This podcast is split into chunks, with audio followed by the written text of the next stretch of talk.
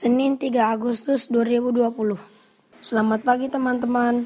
Yuk kita menyiapkan Alkitab dari Hakim-Hakim 6 ayat 11 sampai 18. Mari kita berdoa.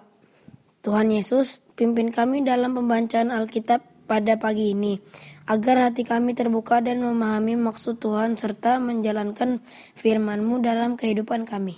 Amin.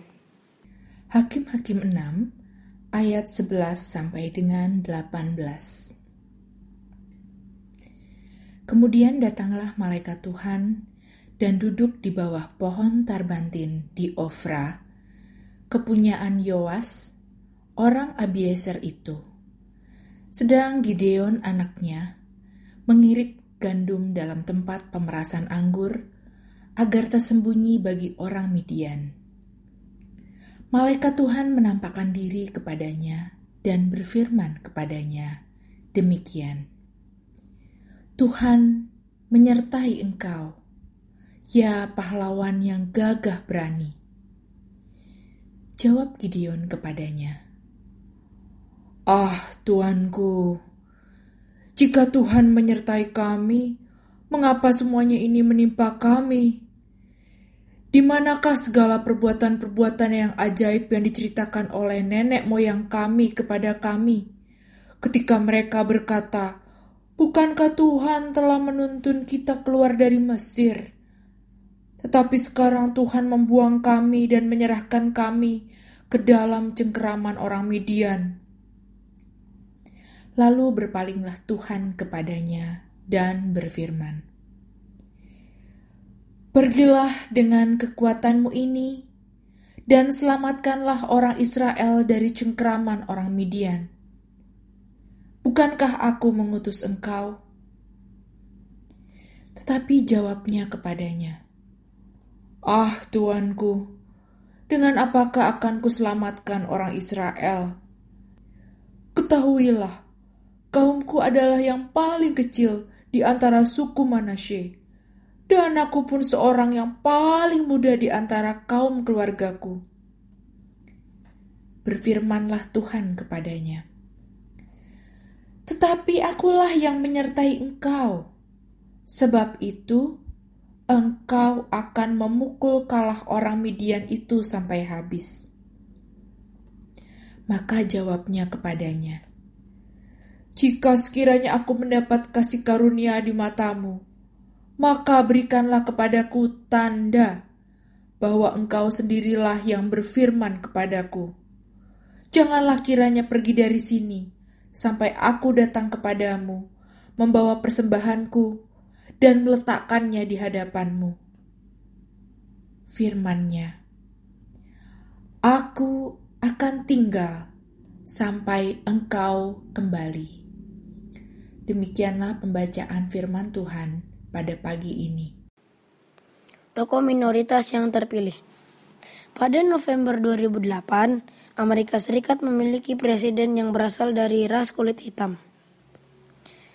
Selama ini, warga Afrika Amerika dianggap minoritas dan warga kelas 2 karena dalam sejarahnya mereka adalah bangsa budak. Barack Hussein Obama Jr. telah Tuhan tetapkan untuk menjadi presiden Amerika Serikat. Tokoh lainnya adalah Bobby Jindal seorang keturunan India yang sukses terpilih sebagai gubernur negara bagian Louisiana, Amerika pada tahun 2008 yang lalu. Yang menarik, jumlah keturunan India di Louisiana sekitar hanya 0,2 persen dari total jumlah penduduknya. Dari dua peristiwa di atas, kita dapat belajar bahwa rancangan Tuhan tidak sama dengan rancangan manusia.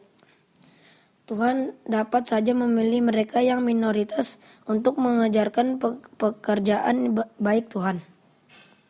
Minoritas berarti sedikit jumlahnya atau kelompok paling dianggap kecil. Dibandingkan kaum mayoritas yang banyak pengikutnya atau yang besar. Gideon juga Tuhan tetapkan untuk menjadi pahlawan bangsa Israel. Padahal Gideon berasal dari suku terkecil di antara suku 12 suku Israel. Gideon minoritas dibandingkan suku dari anak-anak Yakub. Ia pun adalah seorang yang paling muda di antara keluarganya. Tetapi jika Tuhan memanggil, akhirnya Gideon menjadi pahlawan yang membawa kemenangan bagi bangsa Israel melawan orang Midian. Teman-teman, apa yang Tuhan lakukan atas jalan hidup para pengikutnya? Saat kita berada di posisi kelompok yang kecil dan sedikit, apa saja prinsip yang kita pegang? Teman-teman pilih ya. Satu, Tuhan ada di pihak kita.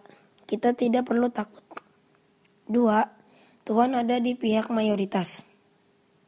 Yang terakhir, yang ketiga, Tuhan tetap ada di pihak minoritas jika dia ikut Tuhan. Jika teman-teman sudah menjawab pertanyaan di atas, Yuk kita berdoa. Bapa di surga, terima kasih atas rancanganmu di hidup kami. Kami mau tetap ada di pihak Tuhan. Dalam nama Tuhan Yesus, amin. Dengan pembacaan Alkitab pagi ini, yuk teman-teman kita tahu bahwa sesungguhnya jalan hidup kita telah di Tuhan tuliskan.